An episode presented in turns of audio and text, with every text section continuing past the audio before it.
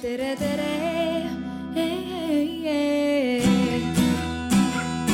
Eestimaa.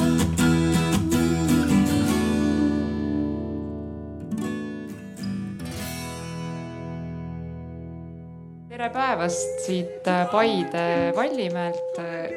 ja tõenäoliselt on meil äh, arvutite ekraani taga rohkem kuulajaid kui, kui siin kohapeal. ilm hakkab küll heaks minema, nii et need, kes ei ole veel Paidesse jõudnud, palun kiirustage. ja me oleme täna siin koos ähm, põhiseaduse alal ja räägime mingil määral isegi võrdsest kohtlemisest, ma pean ütlema, aga räägime sellest, et mis on tööandja roll välisspetsialisti kohanemisprotsessis Eesti ühiskonda tervikuna. minu nimi on Triin Visnapuu-Sepp, olen EAS-i programmi Work in Estonia juht ja koos minuga on siin täna veel neli inimest ning äh, Äh, igaüks neist saab tutvustada ennast ise ja ma olen palunud neil, et kui nad ennast tutvustavad, siis nad ütleksid, et miks nad täna siin on, ehk siis, et mida nad üldse välistöötajatest teavad ja kui kaua neil nendega kokkupuudet on olnud. et alustame äkki Ülle sinust ja me sinatame, sest me kõik tunneme üksteist. ja, et tere, Ülle Matt, Swedbank personalijuht ja minul on kokkupuudet, lugesin kihku-kähku kokku alates kahe tuhande kolmandast aastast tegelikult juba üsna varakult ja toetajana siis personalijuhina organisatsioonis mm. -hmm ja täna siis Swedbankis ja enne seda ka mõnes enne seda siis Ericsson Eesti, Elcontech Tallinn ja Stora Enso, et sealt mm, -hmm. kus kõige esimesed kogemused tulid. eks ole, väga pikaajaline kogemus, aitäh. Kerli Äh, tere, mina olen Kerli Tsirk siseministeeriumist. Äh, kokku olen puutunud siis selle valdkonnaga viimased neli aastat ja peaasjalikult siis just põhjusel, et äh, minu nii-öelda valdkond, millega ma igapäevaselt tegelen, ongi siis uussisserändajate kohanemispoliitika laiemalt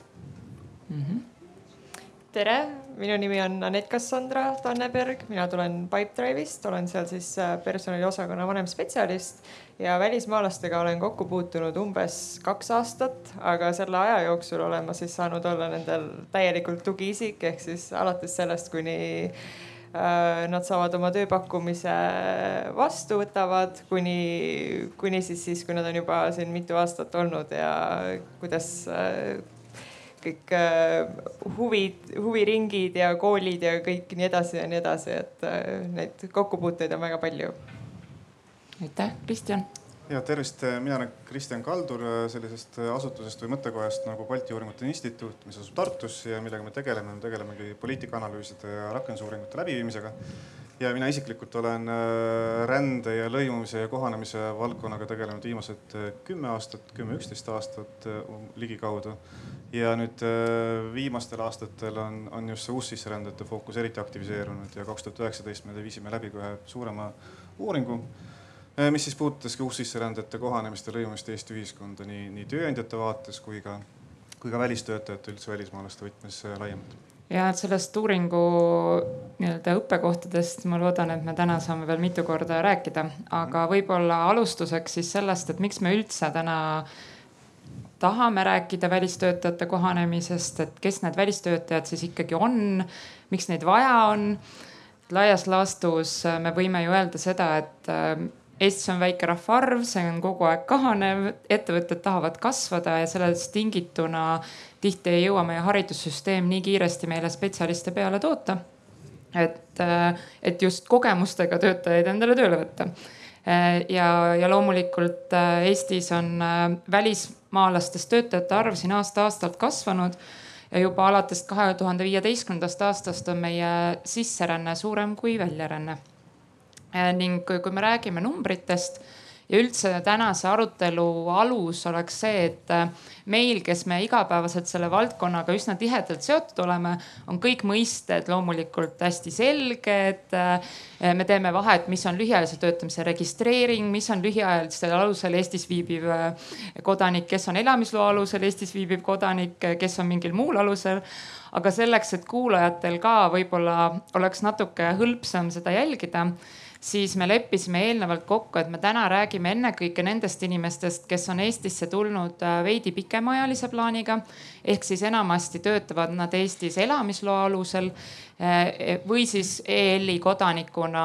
nii-öelda ühtse majandusruumi äh, nii-öelda alusel ja noh, oma õiguslikult on nad samade õigustega kui elamisloaga Eestis viibivad töötajad.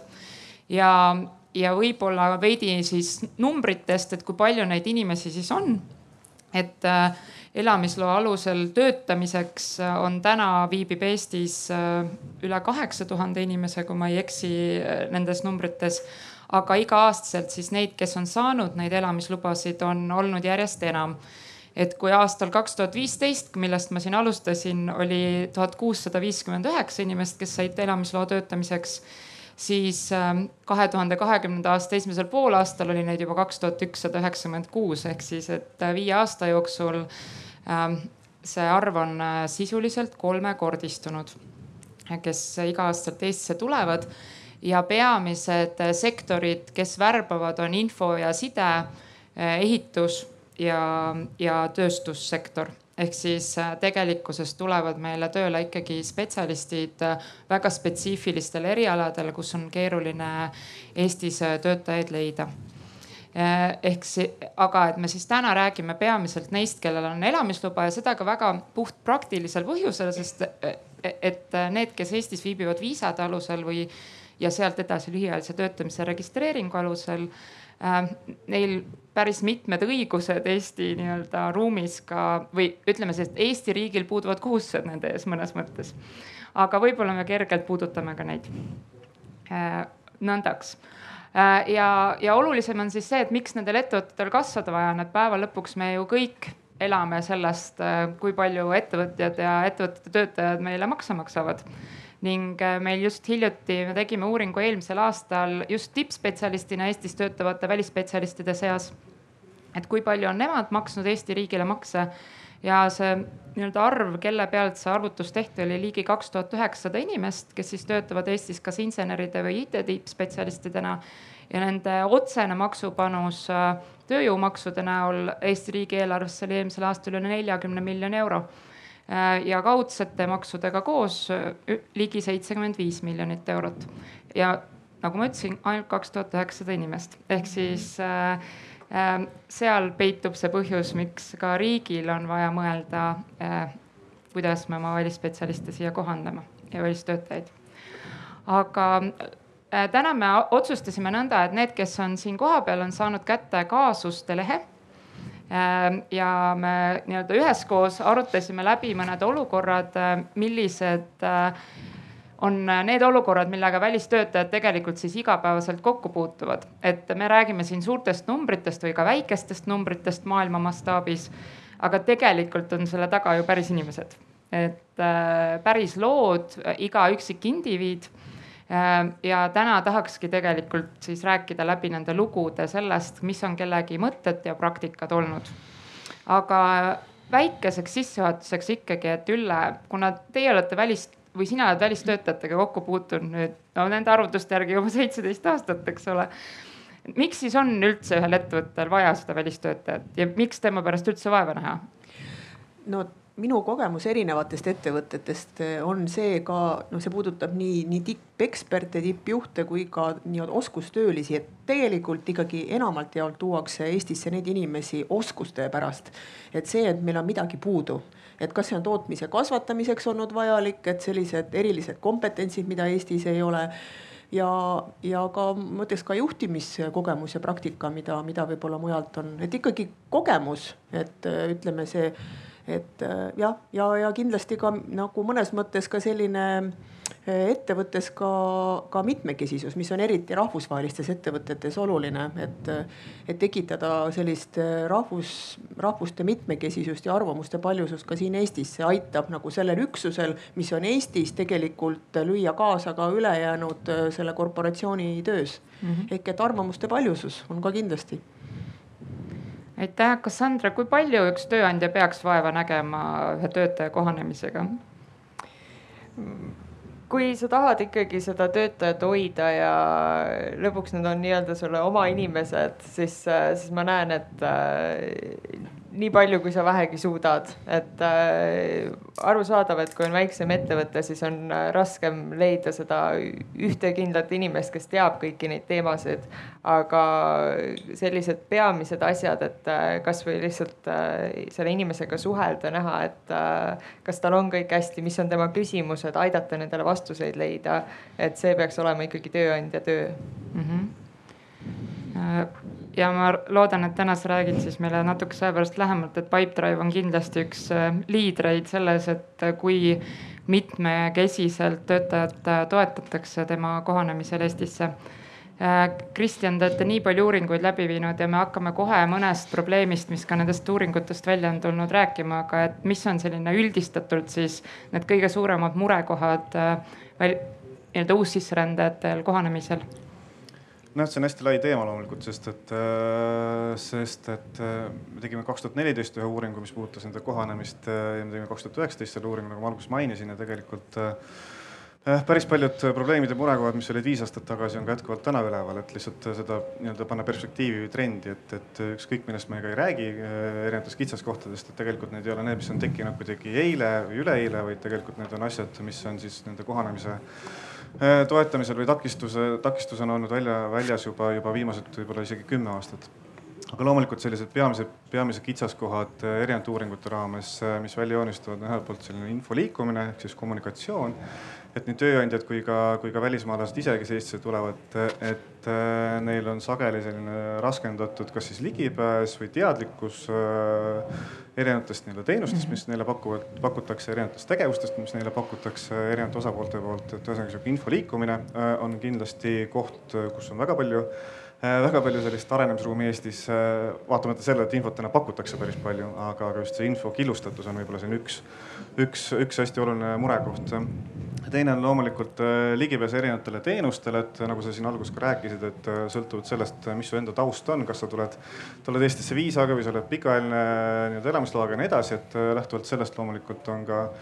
on ka ligipääs erinevatele teenustele sul erinev, et äh, teenuste osas kindlasti on ka, on ka see geograafiline kaetus, et, et, et meil, ma arvan, et meil on päris kenasti paigas see, mis toimub Tartus ja mis toimub Tallinnas ja mis toimub veebis ehk siis online'is e-teenuste kaudu, aga see, mis on tegelikult väljaspool Tartut ja Tallinnat ja suurlinnu, on ikkagi päris selline äh, problemaatiline ja noh, loomulikult enamik välismaalasi ju tuleb äh, nendesse kahte linna, aga tegelikult on nad ikkagi ka Ida-Virumaale nüüd hästi palju ja just Ida-Virumaa spetsiifika. ja Pärnumaale, nagu me teame statistika. ja Pärnumaale täpselt, et, et Ida-Virumaal just eriti selline venekeelsed uussisserändajad, et nende puhul on see teenustega kaetus natuke problemaatiline Mm -hmm. ja, ja kindlasti ka just see keelepõhine, et, et inglise keeles on, ma arvan, et meil on väga hästi kõik, et Work in Estonia ja kõik teised, äh, siseministeerium pakub erinevaid, erinevat info, info, infokanaleid, aga just ka see keele, keelepõhised asjad on, on natukene äh, varieeruvad siis erinevate sihtrühmade lõikes. ja ilmselt ka see teema, millest, millest me täna veel räägime, on keele, keeleteemad äh, keelekursused, keelekursuste kvaliteet, ligipääs neile ja nii edasi, et ma tooks. ja meie esimene asja. kaasus juba räägibki keeleõppest päris palju, et Kerli siseministeerium on nüüdseks peaaegu viis aastat teinud juba kohanemisprogrammi. et äh, kas ja kui palju see teie hinnangul aitab siis inimeste kohanemisel Eestisse? Äh, ja see vastab tõele, et äh, selline asi nagu kohanemisprogramm on meil nüüd äh, töötatud välja ja seda oleme tõesti viimased viis aastat pakkunud. et me oleme ka seda uurinud või tähendab siis üks kolleeg eelmisel aastal vahehindas konkreetset programmi ja ka selle mõju siis kohanemise toetamisele, et noh, need uuringu tulemused näitasid, et see kindlasti aitab, aga võib-olla kohanemisprogrammi puhul on ikkagi üldse peamiseks väljakutseks see, et äh, kes ja kui palju siis välismaalasi reaalselt sinna programmi jõuab. et täna me pakume seda vabatahtlikkuse alusel, see tähendab, et äh, kui välismaalane saab siis elamisloa või elamisõiguse, Politsei- ja Piirivalveamet ta kohanemisprogrammi suunab ja saadab talle ka korduskutseid aga tegemist on siis äh, nii-öelda vabatahtliku osalusega, et äh, et me kuidagi selles mõttes jah, et see ei ole kohustuslik ja kui inimene ei soovi seal osaleda või see info ikkagi mingil põhjusel äh, ei jõua temani, ta ei pane seda kutset tähele, et, äh, et siis ta seal ei osale ja selles mõttes, et see teadmine jääb tal saamata, aga ja selle vahehindamise põhjal ja ka nii-öelda pideva üleüldse nagu teenuse monitoorimise korras me oleme ikkagi nagu jõudnud järeldusele, et äh, või noh, välismaalased on meile ise öelnud, et nad on väga rahul sellega, neile meeldib ja see on reaalselt neile abiks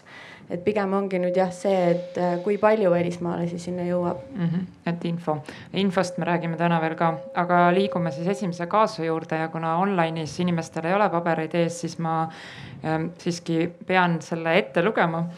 et äh, meie esimene kaasus on selline klassikaline IT-töötaja ehk siis Fernando, kes on kolmekümne aastane, on tulnud Eestisse Brasiiliast ja siin juba mõnda aega töötanud ja töötab äh, rahvusvahelises IT-ettevõttes Tallinnas, kus tema töökeel on peamiselt inglise keel. Äh, ja ka suur osa tema kolleegidest on, äh, on välismaalased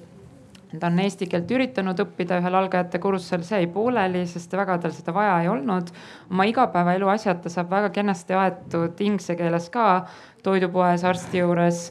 Ähm, ja, ja noh aga keeruline on sõpru leida, et eestlastest kolleegid kipuvad iga õhtu oma koju minema, eh, oma perede juurde. Ja, ja kõigi nagu välismaalastest kolleegidega pole ka seda ühte joont leidnud. Eh, ja kuna Fernando esialgu tuli Eestisse üsna sellise nagu lühiajalise plaaniga ja nüüd siin elades ja töötades on ta aru saanud, et ta võib-olla tahaks siia natuke pikemaks jääda. Või noh, vähemasti siis oma vähemalt esimese elamisloo lõpuni, milleni on veel kolm ja pool aastat aega jäänud et äh, siis ta tahaks rohkem kursis olla Eestiga, eesti keelega, leida eestlastest sõpru. Ähm, ja, ja võib-olla leida endale mõni hobi, kus ka eestlastega kokku puutuda, et äh, brasiillasena on ta terve oma lapsepõlve ja nooruki ja mänginud jalgpalli. mistõttu ta ongi mõelnud, et äkki ta läheks siis jalgat mängima. Ähm, aga see küsimus on äh, alustame siis sellest, kus äh, selline inimene võiks kõige teoreetilisemalt täna siin osalejate seas töötada, nii, nii Swedbankis tegelikult kui ka Pipedrive'is, aga et kas Sandra, et äh, kuidas teie, kuidas Pipedrive näeb, et peaks Fernandot aitama selles olukorras? No Pipedrive'is on meil siis äh, eesti keele tunnid äh, ja miks ma arvan, et see on niisugune väga hea lahendus sellele, kui niisugust võimalust saab pakkuda, on just see, et äh, kui seal ettevõttes on palju erinevaid rahvuseid, nagu ka meil on, siis on võimalik nendel inimestel kõik koos kokku tulla ja koos seda õppida, mis annab juba nii palju juurde tegelikult õppimisel siis äh, lisaks on äh, erinevaid äh, üritusi, mida saab korraldada, et ma ei räägi ainult seda, et lähme peale peale tööpäeva lähme kuskile baari, vaid pigem ka sellised erinevad workshop'id, koolitused, et rääkidagi sellest, et milline on Eesti kultuur, kuidas meid paremini tundma õppida. et tegelikult on väga, ma ütleks, et on väga kerge selliseid asju luua, et kui sul on äh, sihuke tore personalimeeskond nagu meil on. Ja, ja kolmandaks on see, et äh, tegelikult äh, luuagi oma ettevõtte siseselt erinevad kommuunid, et näiteks äh, kui te, ma ei tea, kasutate Slacki, saab teha nii palju kanaleid, teed jalgpall, korvpall, mis iganes, et tegelikult on eriti rahvusvahelises ettevõttes on neid inimesi, kes on ka huvitatud, et ilmselt lihtsalt tuleb need inimesed nagu kokku panna ja siin ma näen, et see võib ka olla nagu algselt ikkagi personaliosakonna algatus, et, äh, et luua need grupid ja kutsuda inimesi üles, et äh, teeme midagi ja siis juba sealt äh, orgaaniliselt läheb see edasi aga et kas sina tunned, et tegelikult, et see on ikkagi sinu asi ka Fernandot aidata, et see ei ole ainult Fernando asi Fernandot aidata? absoluutselt kindlasti, et äh, kui inimene tuleb äh, Eestisse, siis äh, esimene tugi, mis ta leiab, on ikkagi tööandja, kes, äh, kes peaks siis vastutama selle eest, kui meie oleme tema siia juba kutsunud, meie hindame tema talenti nii kõrgelt, et me tahame, et ta siin meiega oleks, siis see on meie ülesanne teda ka aidata kõikides nendes küsimustes. ja ma võin iseenda nagu näitelt tuua, et ma olen väga suur Eesti armastaja, et äh, miks ma siis ei tahaks, et seesama Fernando kogeks seda Eestit täpselt samamoodi nagu mina. et äh, siin tulebki tegelikult ka nagu väga inimlikult lähtuda sellest, ma arvan mm. -hmm. Ülle, kas tööandja asi on otsida Fernandole sõpru? Mm, ja muidugi on, aga nagu see formaat, kus me oleme, arvamusfestival ja erinevad nurgad, eks ju, et, et meie samamoodi toetame igas, igas mõttes. On, on, on need juhendajad ja on koolitused ja on kultuurikoolitused ja igasugused klubid ja, ja aga, ja loomulikult on tööandja roll, see on nagu iga perega, eks ju, et kui sa kutsud endale külalise, siis sa kannad hoolt selle eest, et su külaline sinu juures hästi tunneb ennast, aga siin tuleb nagu mängu ikkagi see teine dimensioon ka, et, et ükskõik kui suur või väike see ettevõte on, et sa ikkagi opereerid ju siin selles ühiskonnas ehk et äh, kui sa selle Fernando teed seal õnnelikuks, eks ju, selle kaheksa tunni jooksul võib-olla ka pakud hobisid ja kõike muud asju. et äh, noh, võib-olla tuleb üheksa tundi päevas see, kui sa teda õnnelikuna hoiad. aga mis saab siis, kui ta sealt välja astub? et kui ta on ühiskonnas, kui ta läheb arsti juurde, eks ju, et, äh, et kui ta, kui ta põrkub selle vastu, et, et ettevõttes ta saab rääkida inglise keeles, aga võib-olla Eestis igal pool nagu asjaajamises ta ei saa seda teha, eks ju. et, et see, ma ütlen, et ettevõtja roll nagu nii-öelda külalise vastuvõtmisel loomulikult on hoida kätt ja, ja teha kõik endast olenevalt. aga ettevõte üksi ei saa seda tagada, et see inimene jääb siia, et siin on palju muutujaid aga mis me siis saaksime ühiskonnana teha, et, et nii-öelda aidata ettevõtetel Fernando leida endale eh, koht Eestis, Kristjan? jah, hea küsimus, et äh, ühiskonnana Eestis tervikuna, no see on jällegi nagu Ülle ütles, hästi palju erinevaid tegureid, et. sinu mikker vist ei tööta hallo, kuulete mind? jah ah., just, et äh, no ma alustaks, hüppaks korra nagu tagasi lihtsalt sellise analüütikuna, et, et, asjad oleks kuidagi selged, et, et noh, minu arust see, mida, eks ole, Kassandra siin kirjeldas ja, ja ka natukene Külle on sellised tõesti ideaaltüüpilised äh, ikkagi olukorrad Eestis, kus sul on suurepärane ettevõte, suurettevõte, kus on palju välismaalast töötajaid, kellel on võimekus, kellel on ressursse selleks, et välismaalastega töötada ja nendega seal tegeleda. Neil on eraldi inimesed, kui ma õigesti aru saan, sellised coach'id, psühholoogid, kes kes nendega siis noh, kakskümmend neli seitse või vähemalt see kaheksa tundi töökeskkonnas äh, nendega tegelevad. aga, aga kindlasti ei ole olukord äh, päris palju teiste Eesti ettevõtete juures, kes ka välismaalased töötavad, sealhulgas näiteks kasvõi meie. meil on ka üks välismaalasest, välismaalasest töötaja, aga, aga meil ei ole ka isegi personalijuhti, kes, kes kuidagi aktiivselt äh, nii-öelda saaks panustada ja, ja see on tegelikult umbes, ma arvan, et viiekümnes protsendis Eesti ettevõtetes selliselt, mis tuli välja ka Work in Estonia uuringust, et kellel on olemas selline kohanemisalane tugi välismaalastele, mis tähendab seda et, et viiskümmend protsenti nii-öelda nendest välismaalastest, tähendab ettevõtetest, et seal, seal on kindlasti vaja seda väljaspool tulevat tuge selleks, et äh, need Fernandod äh, või igasugused muud välismaalased saaksid nii-öelda kenasti, kenasti Eestis hakkama. siin tulebki mängu see, mis sa küsisid, et kes siis veel võiks, võiks toetada, et no minu seisukoht on ka see, et, et ega ettevõtja ei ole alati nagu lapsi hoida, et, et loomulikult noh, ta on, eks ole, pere, sa oled seal, sa oled seal suur liige aga mida viimased uuringud ja või tegelikult praktiliselt kõik uuringud, viimase kümne aasta uuringud Eestis näitavad, on see, et kui me oleme küsinud, et kui palju sul on kontakte eestlastega, etniliste eestlastega ja kui palju sul on kontakte töökohal või siis koolis, näiteks välistudengite puhul ja kui palju sul on kontakte siis väljaspool seda eh, nii-öelda töö või koolikeskkonda. et eh, töös ja koolis neil on umbes kaheksakümmend protsenti suhtlevad igapäevaselt eestlastega, niipea kui nad astuvad sellest uksest välja, eh, kooli uksest või töö uksest, kontori uksest välja, siis me näeme, kuidas see langeb kahekümne protsendi peale, mis tähendab seda, et, et, et, et seal on väga suured käärid selle vahel, mis toimub töökeskkonnas, kus on kõik super hästi. Versus see, mis toimub, eks ole, nii-öelda tänavatel, spordiklubides äh, ja nii edasi, eks jalgpalli mängimise juures ja, ja, ja nii edasi ehk siis seal on äh, ikkagi hästi oluline roll kindlasti ka riigil, millest võib-olla Kerli räägib, et mida riik saab ja, ja, ja oskab nii-öelda panustada, et neid toetada aga ma arvan, et ka kindlasti erinevatel vabaühendustel ja, ja teistel sellistel võrgustikel, kes on täna päris kenasti aktiviseerunud, pakkuda neile sellist sotsiaalset võrgustamise tuge mm. -hmm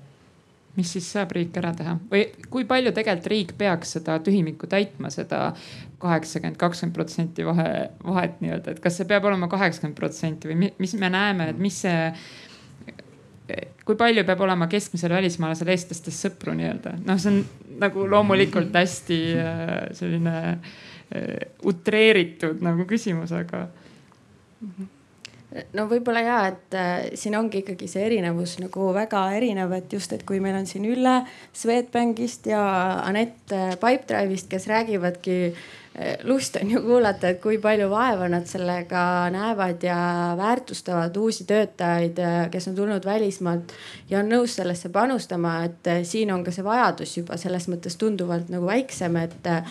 et äh, mida välismaalased lisaks vajavad, et noh, tõenäoliselt on siin võtmekoht ikkagi see, et äh, kui just elamisloaga välismaalane tuleb Eestisse elama, et ta kolib ikkagi mingisse konkreetsesse kohalikku omavalitsusse, eks ju, et ta on seal päeval nii-öelda küll tööl, aga kõik tema ümber äh, just nimelt need vaba aja tegevused koolid äh, ja kõik muu on ikkagi siis nii-öelda mingi konkreetse kohaliku omavalitsuse hallata, et kindlasti on nagu seal see üks võtmekoht, aga me leppisime muidugi kokku, et kui täna ei ole siin konkreetselt kohaliku omavalitsuse esindajaid, et me ei hakka. kõiki nende, kohustusi neile panema. jah, kõiki rolle nagu neile andma, eks ju, ja see ei ole ka kuidagi eesmärk, aga kindlasti on nagu seal oluline võtmekoht ja, ja selles mõttes, et ongi tegelikult, mida ka Kristjan juba mainis, et need äh, vabaühendused ja see kogukonna temaatika. et erinevad uuringud on ju viidanud ka sellele, et äh, välismaalaste enda nagu soov või valmisolek näiteks äh, vabatahtlikus tegevuses kaasa lüüa, et see on nagu väga kõrge. kahjuks see kipub selles mõttes ajas nagu vähenema, et esimesel aastal on see motivatsioon suurem, teisel aastal on see väiksem, ehk siis seal on ka see ajakriitilisus hästi oluline märksõna, et noh, siinkohal on ka riik teinud erinevaid samme, eks ju, aidanud vabatahtlike väraval saada mitmekeelseks, vabaühendusi koolitanud, et nad oleksid teadlikumad ja oskaksid äh, selles mõttes ka tegeleda välismaalastega, kes soovivad nii-öelda vabatahtlikus töös kaasa lüüa. Äh, ja noh, aga võib-olla ma tooksin ikkagi ka selle just välja, et äh, kui need näited, kellest me siin rääkisime, et neil on nagu väga teadlik tööandja, kes selles mõttes juba töö mõttes äh, on kõik need protsessid otsast lõpuni nagu läbi mõelnud ja, ja vähemalt nagu tööalaselt on see pilt üsna nagu konkreetne ja, ja hea, siis, siis meil on ka nii-öelda teisi välistöötajaid, kes äh, kahjuks siis nii sellisesse nagu ideaalsesse töökeskkonda ei, ei saabu, et noh, siin on ka see riigi nagu kaalumiskoht, et äh, kas siis esmajärjekorras nagu toetada neid, kellel ongi selles mõttes raskem, kellel pole ka tööandjal nii suurt tuge kuid samal ajal ju ei tohiks kuidagi nagu selles mõttes karistada neid tööandjaid, kes on juba tublid, et siis me nendega nagu nii aktiivselt ei tegele, et. et ma arvan, et siin ongi nagu ei ole ühte sellist lahendust, vaid see peabki olema nagu pigem sihuke dünaamiline. aga kas äh natuke ei ole siin seda, et äh, tahaks ju, ma oletan, et kuulajate seas on kindlasti inimesi, kes mõtlevad, et las see Fernando õpib selle eesti keele ära ja siis ta saab suhteliselt äh, hästi ligipääsu asjadele. et miks ta seda ei tee? ikka teevad, et see päris nii ei ole, et nad ei tee, aga lihtsalt ma tahan öelda, see võtab tõesti äh, võib-olla kauem aega et äh, keeleruumist, et mingitele, mingitele äh, rahvustele on kergem eesti keele õppimine ja osadel on ikkagi väga-väga raske, et me oleme, kui me oleme töötanud väga palju rahvuselistes äh, meeskondades, et kus ühed ütlevad tõesti, et sa hopsti teed selle aastaga selgeks ja teine sa näed, et ta õpib ja õpib ja õpib, et see ei tule lihtsalt nii kergelt. Aga ma arvan, et siin on ka see noh, üks asi on nagu keele õppimine alati tekib iga õppimisega, miks et äh, minu küsimus on nagu pigem see, kas me oskame nagu huvi tekitada Eesti vastu ja seda, et ta jääb siia, et inimene, kes tunneb ennast õnnelikuna, võtab ennast ka kokku ja pingutab rohkem. kui tal on siin ebameeldiv, ütleme nii, et kui eestlane, kui meil sall on nina ees ja me nagu nii-öelda, me oma temperamenti ei muuda, aga suhtumist saame muuta, eks ju. et, et kas me ise tahame neid siia, et tegelikult kui, kui, kui see kommunikatsioon on nagu positiivne, siis ma arvan, et, et inimesed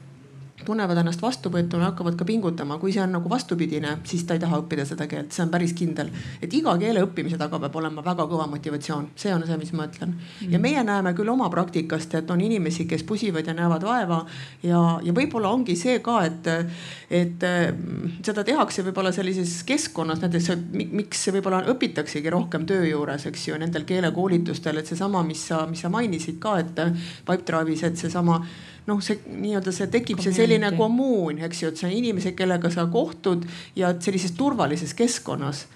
aga, aga samas ma arvan, et ähm, noh, me see on meie nagu nii-öelda esimesed sammud, me nagu me rääkisime ka üks päev siin sellest, et me oleme ikkagi üsna äh, alguses, et me ei saa ennast võrrelda võib-olla teiste Skandinaavia riikidega, kus seda on tehtud äh, aastakümneid enne meid, eks ju, sellist integratsiooni ja kohanemist, et äh, me oleme, meil on isegi hästi läinud, me oleme täitsa tublid olnud minu arust nii riigi poolt kui ettevõtjate poolt, aga võib-olla nüüd oleks vaja järgmine samm võtta, et kuidagi,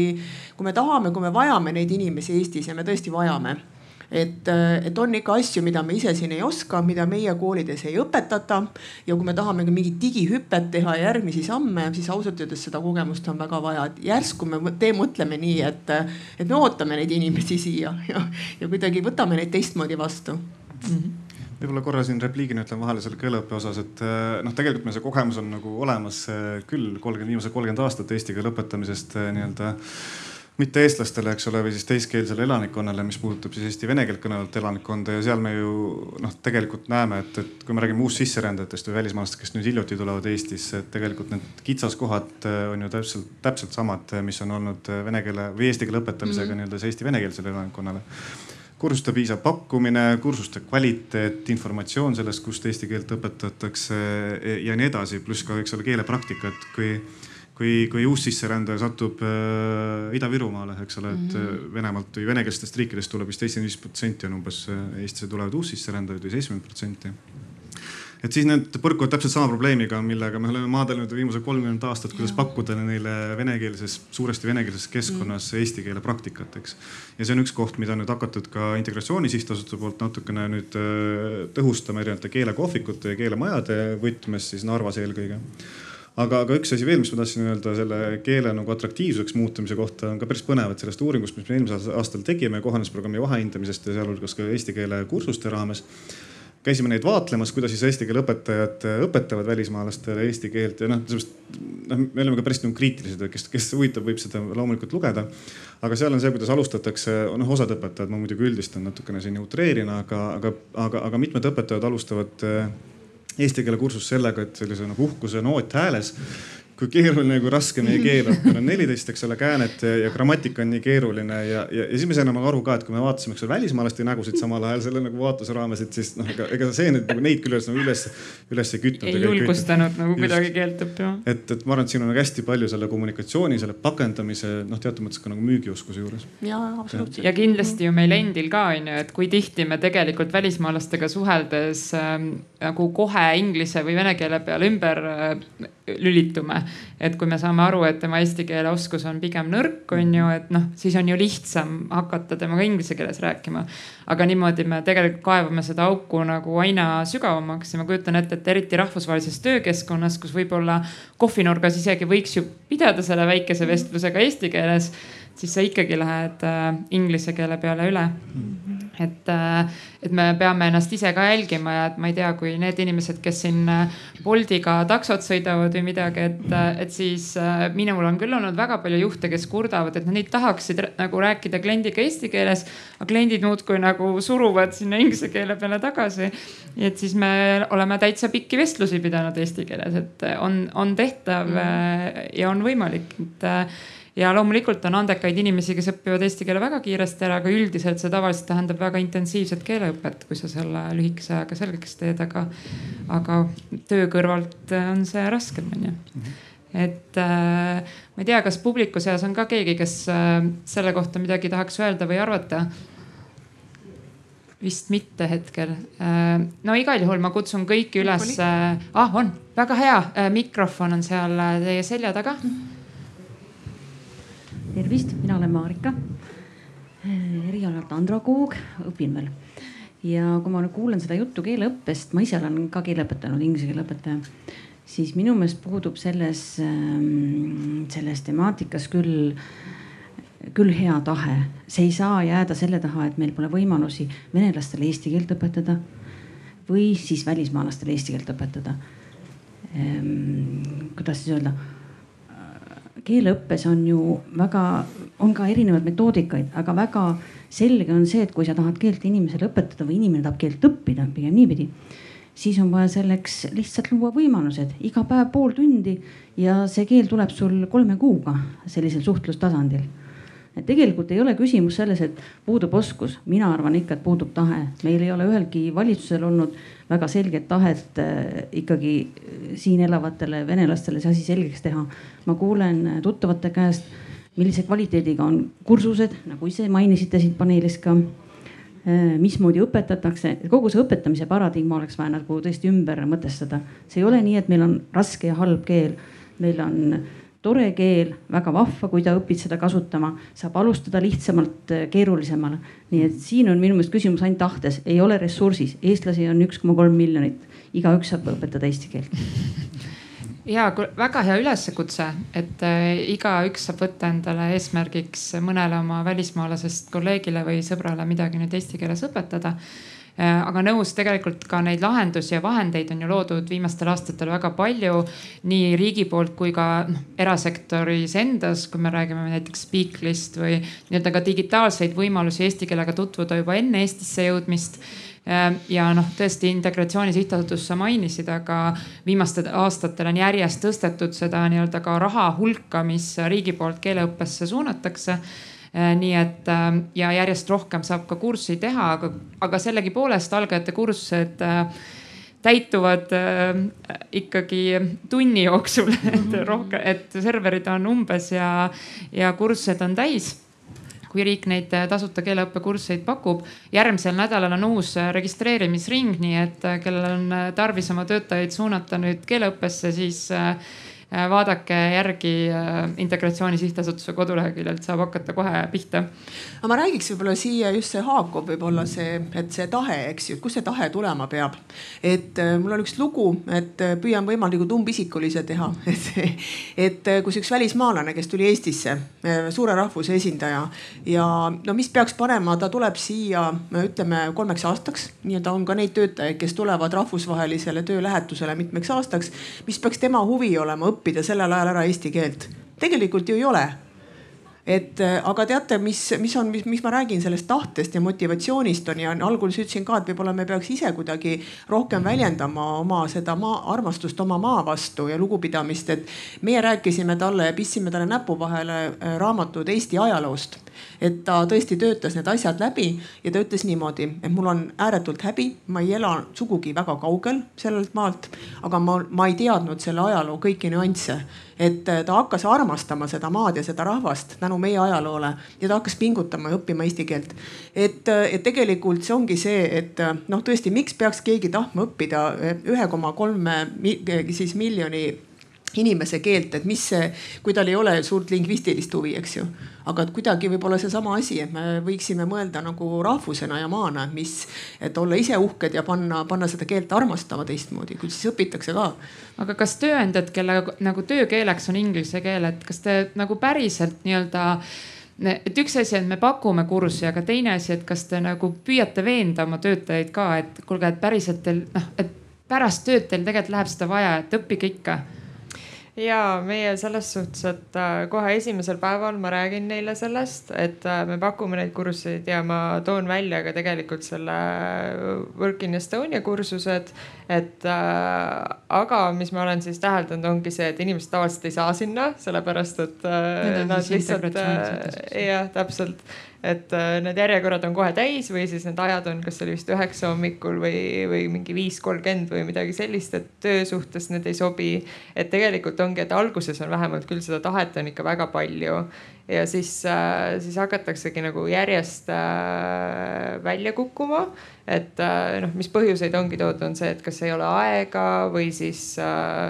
kas seda keelt ikkagi läheb vaja või saadakse inglise keelega ikka hakkama siin Tallinnas ka et äh, mida me siis selle lahendamiseks oleme üritanud teha, on see, et me teeme siukseid äh, välkkursuseid, mis kestavadki kaks päeva, kaheksa tundi niimoodi tõsist äh, õpet ja siis äh, idee on selles, et selle, selle kahe päeva lõpus siis sa oskadki minna oma poodi ja apteeki ja öelda tere, kuidas läheb. Et äh, ma arvan, et, et igatepidi saab, et mingi variant on ikkagi. Ja teine mulle väga meeldis ka see, mis sa Ülle välja tõid, et äh, rääkida just ajaloost, et äh, see on ka, mis äh, väga paljudel võivad olla sellised eelarvamused, et eestlased on reserveeritud või, või külmemad või. aga kui sa avad selle ajaloo ja räägidki, et mis siin riigis toimunud on ja et miks meil võivad olla teatud äh, reservatsioonid, kui me kohtame mingit välismaalast, et siis, kui sa paned neid ka sinna nagu olukorda, siis, siis nad võtavad seda ise ka kohe kuidagi palju sümpatiseerivad selle kõigega ja on nagu palju rohkem avatud, et oi, et ma tahangi tegelikult Eestist veel rohkem teada saada ja veel rohkem õppida mm. -hmm. ma võib-olla ka täiendaks enne, kuigi tuli just küsimus ka, aga ma enne täiendan, et äh, et just nimelt seesama uuring näiteks, millele me oleme mitu korda viidanud, mis me eelmine aasta tegime siis äh, kohanemise valdkonna rakendusuuringu. tegelikult tööandja ja eesti keele õppes tõi nagu väga selgelt selle välja, et tööandja jaoks või selle, selles mõttes välismaalase jaoks, kes tuleb Eestisse tööle, on tööandja nagu väga suur autoriteet selles osas, et kas ta hakkab eesti keelt õppima või ei hakka. et kui ikkagi ongi, ma ei tea, näiteks inglisekeelne töökeskkond ja tööandja annab ka märku, et noh, sa oled siin ainult kaheks aastaks ja põhimõtteliselt tegelikult sa saad kõik asjad inglise keeles aetud, siis ta ei tunnegi seda motivatsiooni. et tihtilugu on ikkagi seal on äh, töötaja vaates on tööandjal nagu väga-väga suur roll ja teine see keeleõppekursuste paindlikkus ja üleüldse nagu kohtade arvu mõistes, et ja meil on teatud kursused, mis tõesti täituvad nagu tundidega ja sinna raske saada. aga näiteks seesama kohanemisprogramm, millest me rääkisime ju tegelikult pakub ka võimalust, et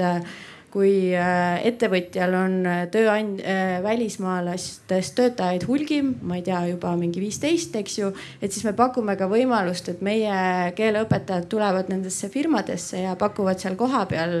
keeleõpet ja seal ei ole mingeid väga konkreetseid, ma ei tea, kellaaegu sätestatud, vaid see ongi nagu osapoolte omavahelisel kokkuleppel, et neid paindlikke lahendusi on loodud. aga ma arvan, et siin üks nagu võtmesõna on kindlasti jälle see kommunikatsioon, et kas ettevõtjad üldse teavad, et mm -hmm. sellised võimalused on olemas ja et nemad saavad ka neid äh, kasutada. et ma arvan, et siin saab kindlasti nagu seda poolt parandada. -hmm tahtsid sa lisada Ülle? ei, ma nagu nõustun ja ma korra veel, mis siis, mis Ülle rääkis ja mis vist Kelly või, või Kerli alguses ka rääkis ajakriitilisusest. ma arvan, et see ajakriitilisus ongi hästi oluline tegelikult võib-olla Marika natuke ka seotud tema, tema kommentaar selle osas, et et äh, noh, Ülle mainis siin seda suurrahvuse esindajat, kes Eestisse tuli, eks ole, rahvust nimetamata konkreetselt, aga, aga mida meie igasugused uuringud näitavad nagu korduvalt, et ma ei räägi siin ühest uuringust ega kahest uuringust, et võib-olla viimasest, ma ei tea, kümne aastat uuringute sellisest nagu sünteesist on, on see, et näiteks kui Eestisse tulevad äh, kas Venemaalt näiteks või, või Ukrainast või vene keelt kõnelevad uussisserändajad, et siis nende jaoks on ikkagi väga-väga suur üllatus, et äh, ja, ja nende jaoks on tõesti nagu arusaamatu, miks ei ole kohalikud venekeelsed siiamaani suutnud eesti keelt ära õppida, et, et see nende jaoks on selles mõttes nagu täiesti midagi enneolematut, et kuidas sa lähed teise riiki, aga sa ei, sa ei, et aga sa ei ole juba viimased kakskümmend, kolmkümmend aastat, eks ole, eesti keelt ära õppinud, et see on nagu üks asi, miks me, ma ei taha siin kedagi nagu halvustada või, või tõmmata nagu pooli, et ühed on paremad ja teised, aga, aga just nagu siduda selle sellise ajakriitilisusega, ajakriitilisusega et kõik need erinevad teenused, vahet ei ole, kas on keeleõpe või mingid muud teenused, et noh, tõesti on hästi tähtis see vabatahtlik tegevus, eks ole, millest ka Kerli rääkis, et hästi tähtis on ikkagi see, et millal nad selle informatsiooni saavad või millal nad nii-öelda sisenevad sellesse teenusesse või millal nad äh, jõuavad, millal neile pakutakse või see informatsioon nendeni jõuab, ehk siis mm, -hmm. ehk siis see on hästi oluline, et, et äh, võimalikult kiiresti nendega kohe tegelema hakata. sest et me näeme aja jooksul, mida ka jällegi uuringud näitavad, on see, et, et noh, kui me võtame selle vene keelt kõneleva uussisserändajate grupi et see on siis aja jooksul või noh, tegelikult on see pigem selline hüpotees, nad, et, et kuhu nad hakkavad nagu lõpuks siis Eesti ühiskonnas lõimuma või, või kuhu nad oma hoiakutelt või, või keeleoskuselt äh, siis hakkavad nagu liikuma, et kas, kas kuidagi või, või, või kontakti, eks ole, loomelt ja võrgustike loomelt, kas nii-öelda sellist Eesti kogukonda või, või kuhugi mujale et selles mõttes ajakriitilisus mm., ma rõhutaks, on ikkagi hästi oluline. ja ma olen nõus, sest kui üldse vaadata uue töötaja sisseelamist organisatsioonis, räägitakse ka sellest, et ikkagi esimeste kuude jooksul pannakse alus sellele edasisele motivatsioonile. kui uus mm. inimene tuleb, ta tuleb nagu täis energiat, tohute ootustega, ta tuleb ka Eestisse samamoodi, ta mõtleb, kui põnev riik, eks ju, kõik asjad, et noh, siis ongi, kas me loome motivatsiooni selle esimese kuue kuuga või pettumust, et see ongi see, et tegelikult no sellisel hetkel, kui emotsionaalselt inimesena nagu kuidagi väga nagu positiivselt meelestatud ja kõrgete ootustega, siis sinna rikkuda ongi ka väga lihtne, eks ju, tal on kõrgendatud ootus ja kui ta siis temaga keegi ei suhtle, ta tunneb ennast kuidagi mahajäetuna siin. siis ta noh no, pärast me peame hakkama seda nagu nii-öelda taaslooma, seda motivatsiooni, et oleks hea ära kasutada see, see energia, et ma arvan, et kui tal see positiivne foon on olemas ja, aga ma arvan, et vaata ajastusest me rääkisime siin korraks, aga tegelikult me peame arvestama, et kui ma kolin välisriiki, siis olgem ausad, mul esimese kolme kuu jooksul on nagu päris mitu probleemi. ja tõenäoliselt ma ei jõua, noh, ma ei jõua indiviidina, ma olen ise mitu korda erinevatesse riikidesse kolinud see tegelikult, see olme võtab sinult kõik eriti kui sa nüüd me järgmised kaasused, me räägime koos perega liikumisest ja, ja tõenäoliselt sa võib-olla esimese kolme kuu jooksul isegi võid ju mõelda, et ah, ma tahaks seda keelt ka õppida, aga no sa lihtsalt ei jõua selleni. ja võib-olla teised on juba selleks hetkeks hakanud arvama, et ah, ta vist on see, kes ei viitsi praegu. et noh, et enam ei paku siis on ju, et aga võib-olla see ajastus on just seal kolme-kuue kuu vahel on ju et seda peabki natuke ise tunnetama, aga selleks, et me natukene ajas ka püsiks, me liigume järgmise kaasuse juurde. Eh, ja iga kaasusega me liidame välismaalasele mõned pereliikmed. Eh, ja järgmises kaasuses eh, Andrei tuleb koos oma prof ikkagi professionaalist abikaasaga Eestisse tööle. ja nad on Ukrainast nii et ja siis venekeelsed uussisserändajad Andrei tuleb samamoodi nii-öelda tipp-professionaalina äh, ja, ja nad soovivad siia jääda vähemalt kolmeks aastaks, aga kes teab, kauaks siis veel. Ähm, ja, aga Maria on töötanud ühiskonnaõpetuse õpetajana ehk siis nii-öelda sotsiaalteadustest põhimõtteliselt ja sooviks mingil määral Eestis ikkagi ametialast või professionaalset rakendust, ta ei taha jääda ainult koju, seal on natukene igav Andrei nii-öelda suudab eestikeelses töökesk- või mitte eesti keeles, Eestis töökeskkonnas üsna kiiresti kohaneda, tema tööandja aitab teda. ta leiab kiiresti uued tuttavad, sotsialiseerumisvõimalused, selles suhtes on ta paremas seisus kui Fernando, eks ole äh, aga abikaasa Maria ei suuda esialgu Eestis rakendust leida. ja seeläbi tunneb ennast üksikuna. Ähm, ta, tal ei ole seda tema tugivõrgustikku, tema pere on kaugel et ähm, ja, ja tegelikult ei oska ka tema abikaasa teda aidata, sest tema abikaasa ei tunne kõiki neid samu tundeid, temal on võrgustik väikene tekkinud, onju ja, ja kõikide selliste olme või selliste, noh, kust leida tööd, ta-ta-ta, neid küsimusi tal ei olnudki, sest et ta tuli ju tööandja juurde. et kes peaks sellises olukorras Mariat toetama? kelle asi see on, toetada Mariat? abikaasa, Maria enda no mina arvan, et nii ettevõte kui ka riigi mm. -hmm. et eks see on selline jagatud vastutus, et kui noh, ühelt poolt me ei saa võtta ära ettevõtte vastutust või tööandja vastutust, et kui tööandjana meie oleme kutsunud selle inimese siia ja temaga tuleb kaasa nagu tema nii-öelda pere, siis me vastutame ikkagi natuke pere eest ka. aga see ei võta ära riigilt vastutust, et, et nii-öelda siis seda ajutist kodanikku ka nagu hoida motiveerituna siin riigis ja ära kasutada tema potentsiaal võib-olla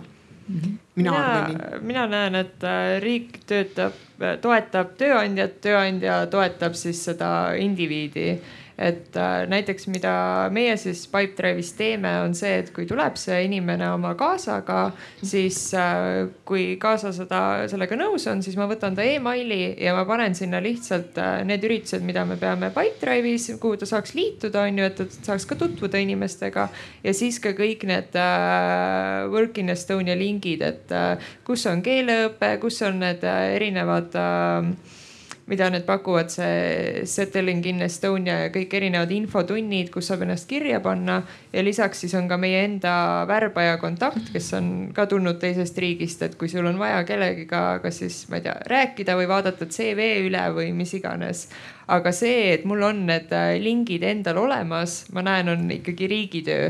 et, äh, et minul oleks seda informatsiooni anda, siis mina pean seda ise ka kuskilt saama. et äh, ma ei näe, et ma peaks seda ise nagu meeletult otsima ja käima läbi nagu mingi tundide viisi lehekülgi, et see võiks olla nagu automaatselt mulle antud ja siis mina saan seda edasi anda mm. -hmm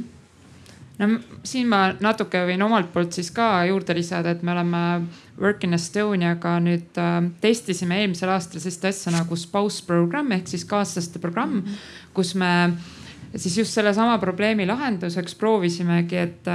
et mil viisil me saaksime neid kaaslasi Eesti tööturule ikkagi suunata. Ja noh, mitte ainult tööturule, me nimetasime seda professionaalseks rakenduseks, see on siis kas tööturule oma ettevõtet looma või siis nii-öelda kõrgkooli õppima, sellepärast et noh, omandama siis näiteks uut eriala, kui tema tänane eriala ei võimalda tal teises keskkonnas äh, töötada enam on ju, et noh, mingid väga spetsiifilised asjad. me saime aidata neid, kes oskavad inglise keelt, sest see programm oli mhm. ingliskeelne. Äh, ja, ja tegelikult need tulemused olid väga head. et äh, põhimõtteliselt pool, üle poolte osalejatest ikkagi leidsid endale Eestis töö aga mitte ainult see ei olnud kõige olulisem, vaid see, et nad leidsid endale selle seltskonna, kellega suhelda, kellega muresid jagada, ähm, kellega ka rõõme jagada. ja meil oli kokku mitu gruppi ja sealt paar gruppi me teame, et suhtlevad siiamaani väga tihedalt, praktiliselt iga nädal käivad koos. Äh, ja on tõeline nagu üksteise selline tugivõrgustik ja kui mõni neist ka nagu ei leidnud tööd, siis teised utsitasid, et sa pead ikka otsima, et vaatame veel ise su CV üle ja käime su LinkedIn'i üle ja nii edasi. et jah, me andsime nii-öelda koos partneritega selle tõuke ja ka Töötukassas tegelikult on olemas nõustajad, kes suudavad inglise keeles ja vene keeles äh, inimesi nõustada, aga inimesed tihti mm. tule selle peal, äh, noh selle peale, et nad peavad unemployment fund'i minema nagu nõu küsima, on ju noh, põhimõtteliselt et, äh, et kindlasti rahvusvahelises majas me, me, me aitame neid inimesi, kui, kui nad meieni jõuavad või kui me ise oskame nad üles otsida. aga see on jälle üsna Tallinna keskne, et äh, proovisime ka Tartus, seal oli grupp väga väike, et äh, inimesi ei olnud piisavalt äh, nii et ja ma tean, et siseministeerium on ka mõelnud nagu kaaslaste nii-öelda lõimimisele töö, tööjõuturule mm. -hmm et äh, võib-olla jah, et ma olen tegelikult selle Ülle ja Anetiga jälle väga nõus, et ma arvan, et siin ei olegi nagu, et on ainult üks vastutaja, kes sellega tegeleb, vaid see ongi nagu paljuski ikkagi äh, jagatud ja, ja just see, et tegelikult millele Anett ju viitaski, et, äh, et tööandja rõõmuga pigem jagab seda erinevat infot, et mis teenused on olemas, mis võimalused neil on, aga et neid oleks siis äh, võib-olla rohkem nagu tarvis äh, kuidagi süstematiseerida, et, et seal oleks nagu lihtsam sees siis nii tööandjal kui ka sellel kaasal, kes on tulnud töötajaga kaasa orienteeruda, eks ju, et noh tegelikult esimene samm, mida me ikkagi ka teeme riigi poolt, on täna seesama kohanemisprogramm, et kui mm -hmm. tuleb ka siis äh, välismaalasest kaasa, pererändega kaasa Eestisse siis samamoodi ju mm, Politsei- ja Piirivalveamet saadab jälle selle kutse kohanemisprogrammi, kus on eraldi nii-öelda temaatiline moodul, kus kirjeldatakse neid erinevaid teenuseid, mida Eesti pakub, mis võimalused neil on, kuidas selle keeleõppega on. samamoodi, et kui ta soovib liikuda tööjõuturule, et mida ta selleks võiks või peaks tegema, eks, eks ju, siis need vabatahtliku tegevuse ülevaated on seal, et noh, et esimene samm on ikkagi jällegi see kohanemisprogramm ja siis just nimelt, et millest oli ka juttu, et eelmisel aastal see piloteeritud äh, Spouse programm, et äh, ma olen nõus, et see oli kindlasti nagu väga hea algatus. see töötas, tagasiside oli väga positiivne ja praegu parasjagu me tõesti just oleme ka siin Töötukassaga olnud suhtluses, et kuidas siis äh, nii-öelda jätkata millegi taolisega, et kui neil on täna olemas juba muukeelsed nõustamised, et äh, samamoodi, et äh, need pererändega saabunud esiteks leiaks selle üleüldse ülesse, mõistaksid, et A, see on koht, kuhu ma võiksin minna ja kui seal juba tulevadki mingid spetsiifilisemad soovid või vajadused välja, et äh, ma ei tea, kas lisaks mingit keeleõpet või ikkagi mm, ülevaadet ka, et kuidas üldse Eestis ikkagi see tööjõuturg toimib, eks ju. või mingeid väga konkreetseid oskusi, teadmisi, et äh, siis seda tegelikult äh, oleks valmis ja võimeline ka Töötukassa pakkuma, sest riigil on ju samamoodi ikkagi huvi, et äh, kui see kaasarändev äh, pereliige jõuab Eestisse, et siis samamoodi, et tema saaks ju oma oskusi ja teadmisi siin rakendada ja samamoodi selles mõttes, et tuua ikkagi lisandväärtust, et et ma olen nõus, et see on nagu mitme osapoole koostöös kindlasti nagu lõpuks see nii-öelda kõige ideaalsem versioon tuleb välja ja lihtsalt nagu seda tuleb edasi teha ja töötada selle nimel, et, et aga ma jah, rõõm on kuulda veel kord mm. nende ettevõtjate vaateid ka sellele, et, et see on ja, ainult julgustav. ja aga kus see pidurdub? ma kuulen ka, et väga palju, no kõigil on nagu tohutu tahe, eks ju, ja kõik püüavad, aga teate, see kukub ära kusagil, et ma olen näinud neid peresid, kes ikkagi lähevad minema, sellepärast lähevad tagasi varem. et sellepärast, et abikaasa ei, ei saa nii-öelda, ei kohane, kas siis uues ettevõttes või siis ta ei leia seda ettevõtet, et oma spetsiifiliste oskuste pärast, et lihtsalt, et üks on see töötu, töötukassa pool ja see nõustamine otsimine ja nagu päris otsimine siis. aga teine on ka see, kui nad lähevad, need inimesed lähevad äh, Nemad ei lähe ju nii-öelda välja valitud organisatsioonidesse, noh, nad ei, neid ei ole kutsutud, nemad on siin võrdselt nagu kõigi tööotsijatega, eks ju. ja ausalt öeldes noh, see, mis, mis, mis on küll natuke kivi eestlaste kapsaaeda, on see, et ja ka teistel väikerahvustel, see pole, me ei ole kuidagi erandlikud, et äh, me räägime ikkagi eesti keeles. me ei, äh, väga paljud organisatsioonid on hästi eestikeelsed. et äh, eesti keelt peab hoidma, ma olen nõus, aga, aga see noh, nii-öelda võib-olla meie vähene tahe ise inglise keeles rääkida. et ma seda, mida ma kuulen nagu Eestis et, et võib-olla see on nagu mingi asi, me ise õpiksime ka võib-olla inglise keelt rohkem, mis meile kasuks tuleks mm. -hmm. et takerdub sinna, et organisatsioonid on eestikeelsed, dokumentatsioon on eestikeelne ja, ja, ja teised tulnud inimesed ei, ei saa siin kohaneda et äh, selles mõttes muidugi me võime käsi laiutada ja mõelda seda, et me ei peagi ja me peame oma keelt hoidma, ma olen nõus sellega, ma olen ka suur Eesti fänn, aga, aga noh, meil tuleb ka ajaga kaasa minna ja mõelda, et äh, me oleme, kõik on muutunud, maailm. et kui me tahame jätkata oma majanduskasvu, meil on töökäsi vähem, me peame olema nõus sellega, et meile tulevad äh, tippspetsialistid, kes toovad meile uusi teadmisi, siis me peame kuidagi neid ka nagu integreerima. ma räägin sellepärast sellest nii julgest, sest meie olime ka väga Eesti, Eesti kuigi Rootsi pank siis väga eestikeelne. kogu meie dokumentatsioon, me rääkisime samamoodi eesti keeles, inimene tuli, seisis nagu tumm, eks ju, ta ei, ta ei saanud mitte midagi aru, mida me kohvinurgas või kusagil rääkisime. tegelikult on see viisakus et kui sa kutsud inimese, siis sa püüad temaga rääkida alati nagu selles keeles, millest tema ka aru saab. rääkisin südamelt ära, mõnele võib-olla ei meeldinud, aga rääkisin ära. ja ega tegelikult see ongi väga keeruline ja ma arvan, et eriti veel väiksemates organisatsioonides, kus sul on võib-olla kümme töötajat, kellest üks on siis see välismaalane on ju, et äh, ega noh ja et ja tekibki küsimus, et kas ja kui palju me siis peame asju muutma eestikeelseks, aga siin oli üks küsimus vist selle kohta ja tere, Martin, murelik kodanik Tallinnast. ei, selles mõttes, et eh, ma ei laiutanud käsi sellepärast, et eh, mulle see jutt ei meeldi, ma selles mõttes eh, erinevaid arvamusi on. siin lihtsalt oli, mulle natukene tekkis see tunne, et, et kui me enne rääkisime keeleõppest, et kui kõik tahavad just inglise keeles rääkida, et ma arvan, et siin erisus on lihtsalt selles, et, et milline on see töökultuur ja mis ettevõttest me räägime, et ju tegelikult, kui see välisspetsialistide kaasamistegevuskava kunagi ka kaks tuhat viisteist alustas siis seal oli tegelikult seesama teema, et, et noh, meil täna on siin väga eeskujulikud ettevõtted, suured ettevõtted, kellel on see ressurss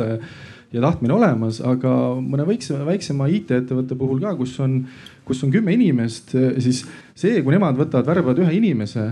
ja, ja kui tal on seal kaasas, eks ju, ka perekond et seal lihtsalt tekib see küsimus, et kas nemad ettevõttena suudavad ennast kohandada kogu oma protsesse teiskeelseks, eks ju, et, et seal on lihtsalt see küsimus. see, kas eh, loomulikult eh, oleks see viisakas ja nii edasi, onju, aga lõppkokkuvõttes kui nii-öelda, eks ju, ärilisest vaatest mõelda, siis eks ju sa vaatad, kui palju see sulle tegelikult sisse toob, siis sa lihtsalt pead selle otsuse tegema. et, et nii karm ta tegelikult ongi. nii ongi ja noh, ega eh, ma arvan, et need ettevõtted, kes täna IT-arendajaid otsivad ja neid Eestist ei leia, nad teevad selle hüppe, sest see on lihtsalt paratamatu, aga kaaslaste puhul on see keerulisem, nad lähevad pigem nagu toetavatesse rollidesse ja ma arvan, et üks suur väljakutse, mis Eestit ees ootab äh, järgnevatel aastatel on see, et kui seni võib-olla esiteks meil ei ole väga palju olnud neid kaaslasi, kes on kaasa tulnud, meil tuleb ikkagi väga palju üksikuid inimesi Eestisse, aga pereränne on ka järjest-järjest kasvav ja teiseks, et kui siiani on nagu suure osa ikkagi endiselt moodustab äh, vene keelt äh, kõnelev äh, seltskond, siis järjest enam kasvab see seltskond, kes ei räägi ei inglise ega vene keelt. -hmm.. ehk siis noh aasta-aastalt on siin kasvanud näiteks Brasiilia kogukond, mis on puhtalt portugalikeelne, mis tähendab, et ka need kaaslased, kes kaasa tulevad, on portugalikeelsed. Ja noh et kus siis seal lõpeb riigi vastutus ja roll on ju, et noh, et mida me siis saame teha, et noh, minu isiklik arvamus on, et meie, me peame mõtlema välja selle, et kuidas inimesed suunata väga intensiivsesse keeleõppesse ja suunata noh, nii-öelda muuta nad võimalikult kiiresti eestikeelseks, et nad suudaksid eestikeelsel tööturul ikkagi midagigi välja pakkuda, sest neil ei ole mingeid muid eeliseid. venekeelsel kaaslasel on noh, see, et Eestis siiski suur osa elanikkonnast endiselt räägib vene keeles, annab talle mingisuguse eelisseisu, onju. ja kui ta siis natuke inglise keelt ka räägib, siis väga võimalik, et ta leiab endale mingi väljundi. Inglisekeelsel kaaslasel samamoodi, ta, meil on piisavalt rahvusvahelisi ettevõtteid, kus võimalik, et mingites äh, tugifunktsioonides ta leiab selle nii-öelda koha. me teame väga palju omaenda spausse, kes on läinud näiteks ka personaliosakondadesse, on läinud äh, müügiüksustesse ja, ja ega ettevõtetel on siin ka väga palju potentsiaali, mida veel kasutada, et noh, tulebki sul Brasiilia turuekspert tegelikult on ju. mine valluta see Ladina-Ameerika, et äh, või, või noh, mis iganes riik on ju, et see on tegelikult ju sinu võimalus on ju. aga et noh, me, me peame nagu võib-olla ka ise mõtestama ümber seda, et noh kui palju me riigina tegelikult tuge peame pakkuma, mis on see tugi on ju, et seal võib-olla ei ole küsimus CV koostamises, vaid reaalselt selles, et see inimene suudaks Äh, sama intensiivselt eesti keelt õppida kui siin tudengid esimesel aastal, mida neile võimaldatakse. võib-olla lihtsalt ja, et äh, ma olen sellega nõus. esiteks tõesti statistiliselt on see number viimastel aastatel väga palju kasvanud, pererändega saabujate arv ja võib-olla just ka see, et mis, kuidas sellele reageeritud on, et mis oligi jutuks, et inglise ja vene keel nagu ilmselgelt ei kata seda vajadust enam ära. aga noh, esimesed nagu sammud ongi, et näiteks keeleõpet, eesti keele õpet äh, järjest vähem tehakse nagu baaskeelega. et äh, ka meie enda kohanemisprogramm on nüüd uuel aastal selles suunas just liikumas, et need vahekeeled kaovad ära, eks ju, et oleksid inimesed rohkem võrdsel positsioonil ja teiseks just, et, et ma ütleks ikkagi, et et need sammud on nagu tehtud või seda on nagu mõtestatud, et, et just riigis, et, et see on ikkagi nagu reaalne ressurss, pererändega saabujad, kellel on oskused ja teadmised, aga, aga täna ongi just, et, et kuidas veel edasi neid teenuseid siis niimoodi vajaduspõhisemalt äh, pakkuda ja, ja et see info jõuaks nendeni, et, äh, et inimesed jõuaksid siis kas tööjõuturule õppima, ma ei tea, mõnda vabatahtlikusse organisatsiooni või midagi, et, äh, et sellega kindlasti nagu järjest rohkem tegeletakse ja, ja see on nagu prioritiseeritud, et, et ma ei ütleks, et see on kuidagi nagu jäänud äh, tahaplaanile, aga ma arvan, et seda kõike saab lihtsalt teha nagu veel rohkem ja veel süsteemsemalt. Et ka siis sellel samal tööandjal, kelle juurde nii-öelda tuli see töötaja koos oma perega, oleks ka see info, et äh, tõenäoliselt täna võib-olla kohati jääbki see nagu hektiliseks, et, et ei ole seda nagu tervikülevaadet mm. -hmm ja noh, äh, eks me räägime küll, et numbrid on kasvavad, on ju, aga mm -hmm. lõppkokkuvõttes me räägime ikkagi päris väikestest numbritest, et ehk siis ka iga teenuse pakkumisel see äh, nii-öelda kvaliteet, kvantiteet nagu küsimus äh, paratamatult tõstatub ka siin on ju, eriti kui siis need inimesed hakkavad hajuma mööda Eestit, siis järjest nii-öelda keerulisemaks see muutub, on ju. et äh, peame ka sellega arvestama ähm,. aga liig-, liigu-, oh Martinil on veel üks küsimus. ja üks äh, väike märkus veel, et, et äh, me selles mõttes need, millest äh, teie olete rääkinud ja, ja, ja ja natuke mina ka puudutasin, oli ju nii-öelda reaktiivsed asjad. ehk siis, kus see hüpe peaks täna toimuma, on see, et, et, et kui me sellest kaasusest räägime, siis tegelikult, et kuidas vältida seda, et, et see kaasa ja, ja kogu see perekond siis lõppkokkuvõttes pettub ja siis ära läheb on tegelikult see, et ideaalis võiks neil juba olla see info enne kui need riiki saabuvad. ehk siis tegelikult noh, see, kas see, kas see kaasa saab nüüd siin konkreetselt tööle, aga noh, vähemalt see, et kuhu ta peaks siis pöörduma, mitte ei ole see, et ta tuleb siia kohale, siis äh, abikaasa tegeleb seal töö juures oma nende asjadega, siis on vaja laps kooli panna, onju. et, et siis ta hakkab alles otsima ja siis ta võib-olla frustreerub, eks ju. et tegelikult see peabki liikuma täna reaktiivsest proaktiivsesse, mida täna noh, selles mõttes on jäänud natukene vajaka aga no ma julgen öelda, et me viimase kahe aasta jooksul oleme liikunud kindlasti proaktiivsuse suunas, et noh, kasvõi meil omal rahvusvahelise maja näitel, et nii palju ikka pöördub meie poole välismaalasi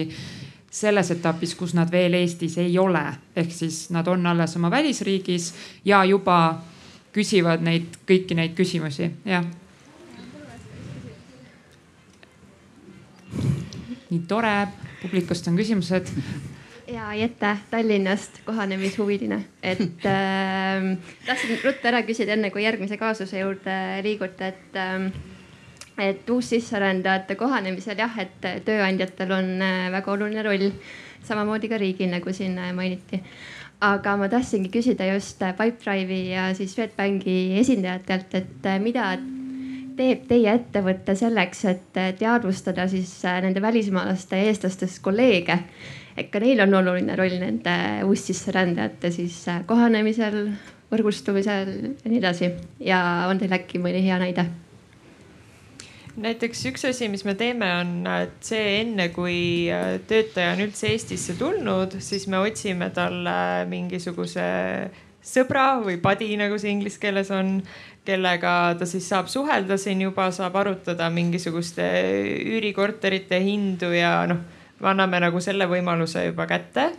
siis äh, noh, selles suhtes, et mis meil on juba nii-öelda on äh, hästi, et äh, meil on kontoreid igal pool, meil on äh, Portugalis, USA-s, Londonis, noh ja nii edasi. et äh, niikuinii on töötajatelt juba oodatud, et nad suhtlevad teiste kontoritega, teiste rahvuste ja kultuuridega. Nii et kui nad tulevad ka meie Eesti kontorisse, siis nad teavad, et, et nad peavad seda rahvusvahelist suhtlust tegema. Ja, ja samamoodi, et äh, kui tuleb siis mingisugune äh, uus töötaja, olgu ta siis eestlane või välismaalane, siis meil on nagu ikkagi üsna pikk sihuke onboarding programm, mille juures siis äh, noh esiteks on sihuke, üldjuhul on ta suurem grupp, kus inimesed siis juba saavad omavahel tutvuda, tekivad siuksed väiksed sõpruskonnad ja siis on äh, selle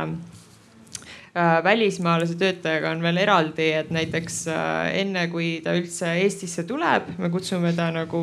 Eestisse et, äh, et ta näekski seda, et okei okay,, et me võime rääkida küll, et meie ilm on siin väga kole, aga et ta saakski tulla koha peale ja näha ära selle, et kas, kas talle see sobib ja samamoodi me võtame nagu kõik tema tiimiliikmed õhtusöögile või kuhu iganes, et nemad saaksid ka näha, et kas see inimene on, äh, on meie väärtustega kooskõlas. et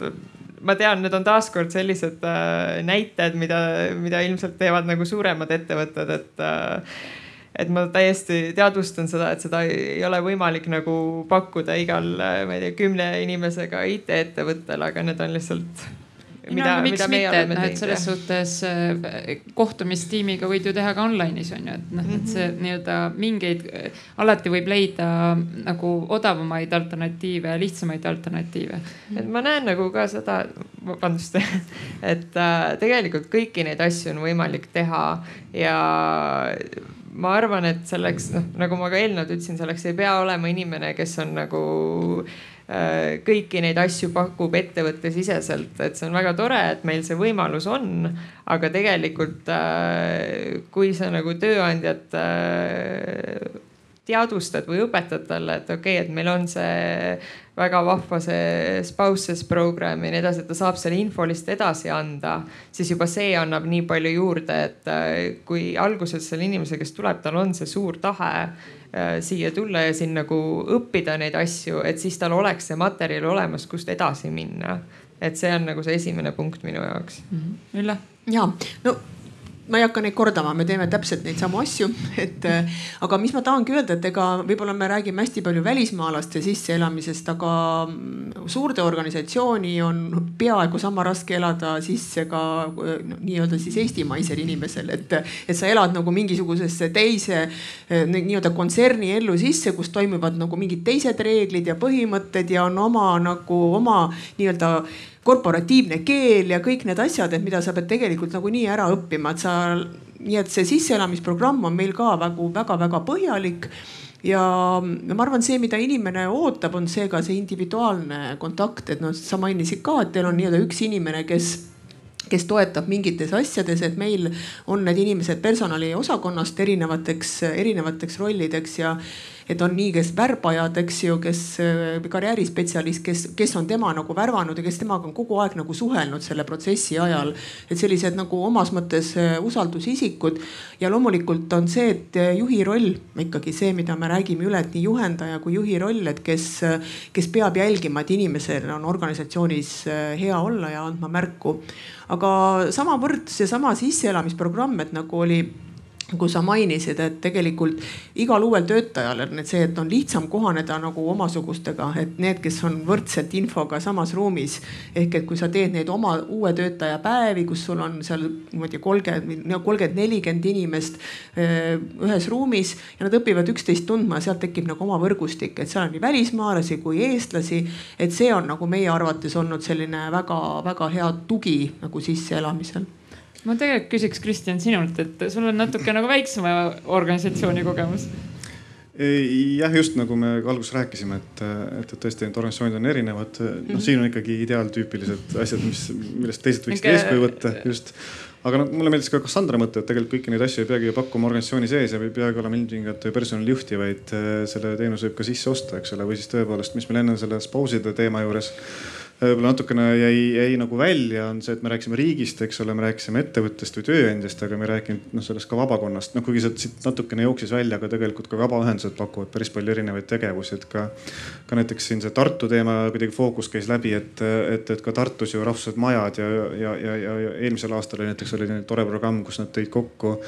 nii, nii välismaalased, äh, kellel on pere või kellel on lapsed, kui ka nii-öelda eestlased ja, ja nende lapsed ja nende pere, et, et noh, kogu seda võrgustamist tekitada, et ühesõnaga see kolmas sektor või see mm. kolmas osapool on ka tegelikult olemas, et no. kellelt saaks täitsa, täitsa abi küsida. ja, ja, ja võib-olla veel repliigina selle osas, mis Ülle ütles, et, et, et, et ka eestlased äh, on tegelikult need, kes vajavad, eks ole, tuge ja abi, et et me kuidagi nagu seda ka ära ei unustaks või, või, või, või, või korra nagu see välja tuua, et, et ega välismaalased, kes Eestisse tulevad, ei ole mingisugused ebamaised olendid, et kes mõtlevad kuidagi täiesti teistmoodi ja, ja, ja on hoopis teist, teistsuguste ootuste või soovide või vajadustega, et noh, see ei ole ju nii, et tegelikult nemad soovivad täpselt samu asju, mida eestlased ise. Sõpru, eks ole, kontakte, teenuseid, tuge ja nii edasi, aga lihtsalt, mis need teeb eriliseks ja miks me täna sellest kõigest siin ilmselt räägime, ongi ju see, et, et nende puhul kõik need probleemid natukene võimenduvad, eks et nad on uues keskkonnas, neil on sada asja, mille peale mõelda esimestel kuudel, esimestel aastatel ja, ja, ja ju see on see, mis eristab, eks. ja, ja sa sellega tegid väga hea sissejuhatuse tegelikult meie viimasesse kaasusesse, sellepärast et äh, seal minu arust selles viimases tuleb veel eriti hästi välja see, kui sul ei ole seda Eesti tugivõrgustikku, ehk siis meil on äh, viimane perekond, kes on tõesti perekond, on saabunud Eestisse veel lasteaiaealise lapsega, kes nende koduriigis peaks juba minema kooli. Eestis on veel siiski mitte veel kooliealine ja, ja lisaks, et oleks ikkagi kirss tordina, need on päriselt reaalsed case'id, et need on meie rahvusvahelises majas toimunud asjad või kliendid, kes on meieni jõudnud on siis ka abikaasa kuuendat kuud rase, mis tähendab, et tema ei suundu tööjõuturule, vaid jääb tegelikult nii-öelda koduseks emaks esialgu. tema isoleeritus on muidugi seeläbi veel kõrgem ja kõik need mured, mis väikelastega nii või naa tekivad, mis tähendab, et see perekond vajab nii lasteaiakohta, nad vajavad kiiresti nii-öelda võimalust arstiabiks Nad vajavad kohe-kohe varsti ka infot tegelikult koolide kohta ja kõik see info tihtipeale Eestis on kohalikes omavalitsustes kõik eestikeelne. Eh, ja meie ise eestlastena põhineme üldiselt sellel, mis meie sõbrad räägivad. ehk siis, kui su laps hakkab kooli minema, siis sa helistad sõbrale, kellel on juba laps kooli läinud ja küsid üle, et kuule, kas ma olen õigesti aru saanud et ma pean nii tegema. ja ta ütleb, et kuule, nats, sa oled nagu mööda pannud, aga muidu on okei okay või et, äh, et sa leiad selle perearsti ikkagi varem või hiljem, sest kõik perearstid ikkagi eesti keelt äh, räägivad. aga nüüd Kevin ja Amanda on Eestisse saabunud, neil on üks laps kaasas, üks laps kohe tulemas. Üsna selline, ma arvan, et teile üsna tuttav äh, olukord on ju, et Cassandra siia sõiteski? Me rääkisime sellest, kui tore on leida lasteaiakohti, et, et ma saan aru, et sina, teie aitate oma töötajatel leida arstid, lasteaiad ja nii edasi, räägi sellest lähemalt jah, et äh, perearstid, lasteaiad, koolikohad, et äh, see on kõik osa paketist. aga isegi meile kui suuremale ettevõttele on see ikkagi ikka väga suur murekoht, sellepärast et jah, esiteks kogu see info on eestikeelne, nii et ma ei saa tegelikult äh, öelda inimesele, et, äh, et sa saaksid ise ka uurida või ma ei tea, teeme koostööd. et äh, see langeb nagu ikkagi, ma tunnen, et minu õlule päris palju. ja, ja teiseks on see, et ma tunnen, et kui, kui tõesti nagu võtta kas siis kohaliku omavalitsusega ühendust, siis, siis tihtipeale ei tule sealt seda nagu konkreetset vastust, et äh, nii, et siin on mingisugused lasteaiakohad või, või siin on koolikohta et äh, milleni mina siis olen jõudnud, on see, et ma olen hakanud ise neid äh, direktoreid või õppealajuhatajaid läbi helistama. Mis on muidugi tore, kui ma peaks kunagi ise lapsi saama, siis mul on kohe telefon täis erinevaid kontakte. aga, aga see on lihtsalt äh, õudne peavalu, võiks öelda et, äh, et meil ei ole mingisugust, vähemalt mina ei tea, mul oleks väga hea meel, keegi mind parandaks, et meil ei ole sellist süsteemi, kus ma saaksingi minna netti ja vaadata, et okei okay,, et äh, mis, äh, kus on neid just inglise keeles neid vabu kohti, milline kuidas nad, kas nad võtavad vastu üldse, sest mul on olnud ka neid hetki, kus öeldakse, et, et me ei taha nagu tegelikult võõrkeelset last, võõrkeelset last, sellepärast et vanemad ei räägi ka inglise keelt, nad ei oska last aidata. et tal läheb liiga keeruliseks, et ärge, ärge ikkagi pange võib-olla meie kooli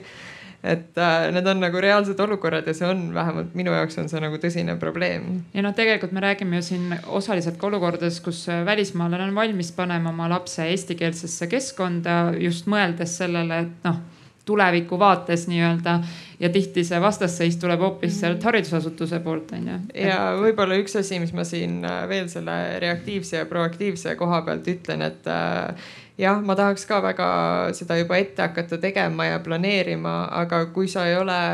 oma elukohta registreerinud Eestis, siis ma ei saa sulle leida ei perearsti, ei koolikohta, ei lasteaiakohta. nii et kõik see, isegi kui nad on Eestisse jõudnud, võtab veel aega mingisugune vähemalt poolteist kuud, enne kui me saame sellega tegelikult tegelema hakata mm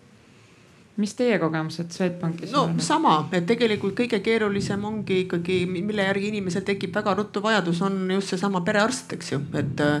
et katsuge ise, ma ei tea, kes on vahetanud, eks ju, elukohta Eestis, et mina ükskord tegin seda küll palju aastaid tagasi, aga no õudne oli. et äh, ei ole sul hambaarsti, ei ole sul perearsti, et äh, ei tea, kuhu minna, kuhugi sind ei taheta.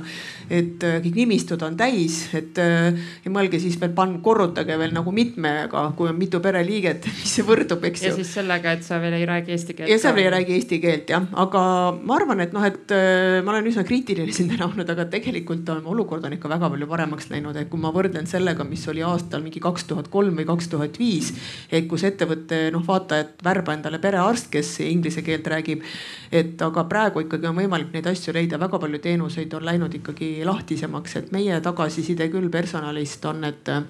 et me teame, kuhu inimesi suunata, et on juba neid keskusi, kus räägitakse väga kenasti inglise keelt ja võetakse inimesi vastu, saadakse aru, et nad tulevad teisest kultuurist ja võib-olla neid peaks nagu natuke rohkem toetama, eks ju et aga koolidega on küll jah keeruline, et omal ajal oli nii, et läksid kõik ikkagi rahvusvahelisse kooli, sa teadsid, et on, mis on see koht, kuhu sa nad kõik saadad. aga praegu ongi seesama, et inimesed tahavadki integreeruda ja tahavad eestikeelsetesse koolidesse minna, lasteaedadesse, ehk see tuleb nagu, tuleb jälle seesama, kus ma jõuan tagasi, see eesti keel, et kas me, eestlased, tahame rääkida teiste rahvustega inglise keeles, kas me oleme võimelised seda tegema. et äh, kas, kui laps läheb kooli, kas õpetajad suudavad rääkida nende vanematega inglise keeles, vastus on, et kindlasti, et kõik ei suuda. ja sama ja, nagu lasteaedades. ja no tõenäoliselt kõik ei saagi suutma. ei saagi suutma jah, et, et, et noh, et kas on tahtmine nagu mingit kontaktisik, isikuid nagu, nagu nimetada, sest ma ütlen, me ei põgene selle probleemi eest kuskile, meil tuleb neid inimesi ja jääbki tulema, sest kui me tahame kasvada, meie majandus tahab kasvada ja areneda, siis, siis meil tuleb selle probleemiga tegeleda ja võib-olla ma ka peegeldaks paari asja, et jah, ma olen nõus sellega, et äh, on palju asju, mida tehniliselt selles mõttes saabki tõesti teha alles siis, kui on elukoht registreeritud. Aga võib-olla ikkagi nagu see saabumise eelsuse nüanss saaks siinkohal olla nagu kaetud sellega, et äh, selgitada sellele tulevale siis äh, perele, et äh, mida see Eestis üldse tähendab, et näiteks, et te asutegi ühte kohalikku omavalitsusse elama, et siis ma ei tea, koolikohtade leidmine käib äh, niimoodi, perearstide leiate niimoodi, et selles mõttes, et nagu selline üldine sissejuhatus, et jah, et ta ei saa veel konkreetset nime, et ma ei tea, doktor Mari aitab sind, eks ju. aga selles mõttes, et tal on nagu see ülevaade olemas, et ta teab selles mõttes enam-vähem, kuidas nagu üleüldse orienteeruda ja teiseks võib-olla see nüüd konkreetse teenuse leidmine, et jah, mm, koolikohtade ja lasteaiakohtadega kindlasti on selles mõttes esineb väljakutseid, aga ma arvan, et siit tuli ka juba välja, et et see ei ole tihtilugu ka ainult kuidagi seotud sellega, et tegemist on nagu välismaalastega, et kui tuleb, ma ei tea, tagasipöörduja Eesti pere, kes tahab ka märtsikuus leida koolikohta, siis see ongi väga keeruline. aga see ei tähenda kuidagi seda, et äh, me ei peaks sellega kindlasti tegelema, vaid vastupidi, et äh, siinkohal on jällegi ka selle kohaliku omavalitsuse nüüd haridustöötaja pädevuse ja teadmiste küsimus, et mida saab ka riik aidata teha, et koolitada ja nõustada, et et ma ei tea, et see välismaalasest lapsevanem ka teaks, et tal on tegelikult õigus valida koolikohta, et selles mõttes, et noh, seaduse alusel, et, et tihtilugu see muidugi ei tähenda ka seda, et eestlane nüüd, nüüd saab ja läheb ja valib selle koha, et kui ei ole koolis kohti, siis ei ole, eks ju. aga ta ei jääks nagu sellest kohast ilma ja nüüd selle perearsti teema osas võib-olla peegelduseks, et ja see on olnud Äh, pikki aastaid äh, suur probleem. Selles mõttes, et juba uuringust, mida me mainisime, kaks tuhat neliteist oli üks äh, valukoht ja eelmisel aastal samamoodi, aga seal on tehtud ka kindlasti nagu väga suuri samme selle suunas, et seda olukorda parandada, et Terviseametil on nüüd reaalselt nõustaja tööl, kes teenindabki inglise ja vene keeles, püüab neid probleeme lahendada ja ka selles mõttes nagu süsteemsemalt, et mitte nüüd lihtsalt tema tööülesanne ei ole leida igale välismaalasele nüüd üks konkreetne perearst, vaid et ka Terviseamet ise siis selles mõttes nagu süsteemselt suudaks nagu näpu peale panna, et äh, kus see nagu alguse kõik saab ja et noh, okei okay,, me teame, et see saab sellest alguse, et meil ongi perearste vähe ja ka eestlastel on raske perearste leida kuskil Meremaal näiteks.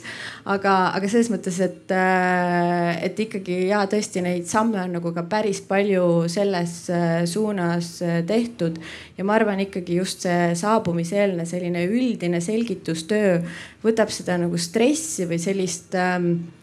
teadmatuse momenti sellel tulijal nagu maha, et ta mõnes mõttes nagu teabki, et jah, see võtab nüüd pisut aega, ma pean tegema seda ja seda. aga see ei ole ka kuidagi niimoodi, et ta saabub siia ja siis nagu hakkab see alles kõik pihta, et oota, kuhu ma nüüd minema pean, mis, mis nüüd täpselt, et, et selles mõttes seda ikka mingil määral saab kindlasti nagu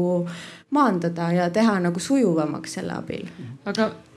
ja, ja. ma just tahtsin korra öelda vahele seda, et või, või lihtsalt korra nagu jätkata, et, et ega see saabumiseelne teenuse informatsiooni pakkumine, see proaktiivsus ei ole ka alati võluvits tegelikult, et mm. -hmm mida jällegi meie, eks ole, analüütikutena uuringutest näeme, on see, et vaatamata sellele, et informatsioon on olemas kusagil ja nad saavad selle kätte, nad tahavad selle ikkagi kuidagi üle valideerida ja mitte mm -hmm. valideerida seda üle, eks ole, sellistes organisatsioonides, mille nimi on Töötukassa, eks ole, nagu sa ironiseerisid, mis sarkastiliselt ütlesid. või eks ole, isegi Politsei- ja Piirivalveamet, mis politsei, eks ole, teatud riikidest tulijatele tähendab hoopis midagi muud. Nende, nende suhestumine, eks ole, jõustruktuuridega mm -hmm. on hoopis midagi see, kui Eestis, mhm. mille, kus politsei usaldus on väga kõrge. ehk siis isegi kui nad saavad selle informatsiooni kas eelnevalt või pärast või, või, või kuskilt ametlikust kanalist, nad ikkagi tahavad seda üle valideerida. ja seda me näeme ka sotsiaalmeedias, kuidas tegelikult äh, küsitakse neid samu asju, näiteks kuhu kooli enda last panna. ja, ja see on nagu hästi huvitav tegelikult teemavaldkond ka, mida siis ma täna loomulikult ei jõua siin pikemalt rääkida, aga me näeme, kuidas äh, just äh, näiteks venekeelsetes sotsiaalmeediagruppides, mis mis puudutab äh, nii-öelda venekeelseid, kes Eestisse tulevad ja tahavad oma, otsivad oma lapsele siis kas lasteaeda või kooli, et äh, siis neid, kuidas ikkagi neid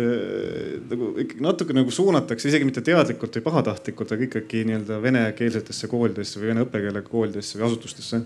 puhtalt sellepärast, et mitte, et, et, et seal oleks kuidagi identiteedi säilimise küsimus ja nii edasi. vaid pigem see, et, et, et nad ütlevad ka, et kuule, ära võta endale seda nagu jama, eks ole, kahele, et noh, pane ta sinna nagu nii-öelda emakeelsesse kooli ära, eks ole.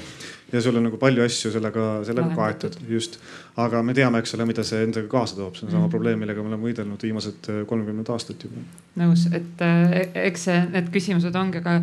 kuidas sulle tundub nagu nii-öelda väikeettevõtjana või noh, nii-öelda töötades väikeses organisatsioonis, kes ei puutu, sa ei värba nagu välismaalast iga nädal või iga kuu. et kas sellistes olukordades nagu näiteks see viimane üsna kompleksne nagu kaasus, kas ja kuidas see tööandja saab aidata või kas ta peaks mm? -hmm, mm -hmm ei, no ma arvan, et just väikestes ettevõtetes kindlasti tööandja peabki, et eriti kui sul on seal üks välismaalane, kellel ei ole noh, Pipedrive'is ja suurtes firmades on ilmselt ka teised välismaalased, nad tekitavad noh minimaalselt, kui midagi muud üle ei jää, nad noh suhestuvad ja sotsialiseeruvad omavahel, eks ole, kui sa oled üks inimene, äh, üks välismaalane Eesti ettevõttes, et siis on sul see, see olukord nagu natukene isegi võimendunud ja keerulisem, et siis ma arvan, et see tööandja roll on kindlasti, kindlasti hästi oluline, aga loomulikult ma siin võin täitsa vabalt nagu avalikult tuhka pähe raputada, et ega meie ei ole ka kuidagi eeskujulikud, eesrindlikud, hoolimata sellest, et me seda teemat ju uurime ja soovitame, kuidas kõik teised peaksid käituma. et ega me neid ise väga neid õpetussõnu ei, ei taha nagu järgida, et noh, lihtsalt see töötempo, eks ole, kiirus ja nii edasi, et, et see kõik võtab oma lõivu. aitäh äh, kas on kellelgi veel, ma saan võtta ühe küsimuse või ühe kommentaari enne kui me peame otsad kokku tõmbama? väga huvitav diskussioon, me libisesime märkamatult selle nii-öelda võõrtööt-, võõrtöötaja kohanemisest tema kaaslaste ja pere peale ja see ongi palju raskem probleem, mulle tundub, nagu me siin arutame. et me rääkisime siin kohanemisest ja hästi palju juriidilistest aspektidest, praktilisest elust, haigekassa, arstid, dokumendid, kutsestandardid. aga kohanemist, ähm, kohanemise edukus on tegelikult see, mida inimene hindab ise ja ta hindab oma tunnetele toetuvalt et see, kuidas ta tunneb ennast siin. ja nüüd me jõuamegi siia, et, et milline on see Eestine üldine taustsüsteem ja foon võõraste suhtes ja, ja, ja kas seda saaks kuidagi sõbralikumaks muuta. et seesama, kui ta on seal toredas ettevõttes Pipedrive'is tööl, aga kui ta läheb õhtul kuskile tänava peale välja, et mis siis nagu juhtub. et need mõjutavad nagu elu palju rohkem ja kui me räägime kaaslasest, kelle töökohta polegi sellist turvalist kindlat töökohta, kus ta saaks neid positiivseid eh, signaale, siis tema sõltub ju ainult sellest, mis on, mis juhtub tänaval, poes, ma ei tea, arsti juures ja et see on nagu üks asi, et see foon, üleüldine foon, et võib-olla siin EAS võiks teha ma ei tea, kas mõne kampaania, turunduskampaania või siis äh, arvamusliidrid, selle valdkonna arvamusliidrid, kes te kõik siin püüne peal olete, et te peaksite meedias sõna võtma, et see nagu aitaks kaasa kindlasti, meediavõim on suur.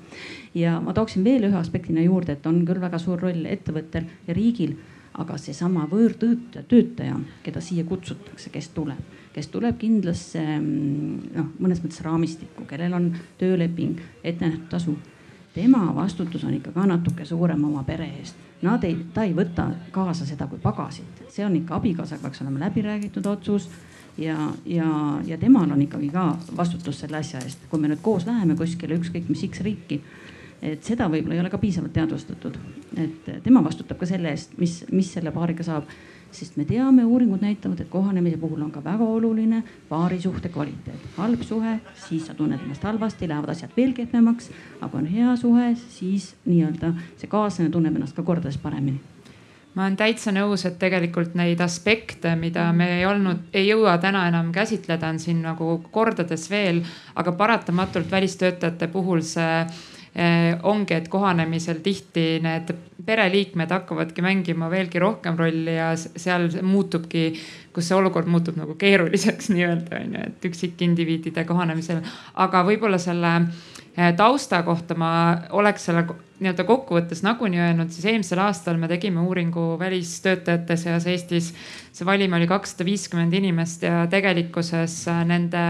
kogemused eestlaste kohta ja see, kuidas nad meie ühiskonda ja meid äh, siis kirjeldasid, olid sõbralik, avatud, äh,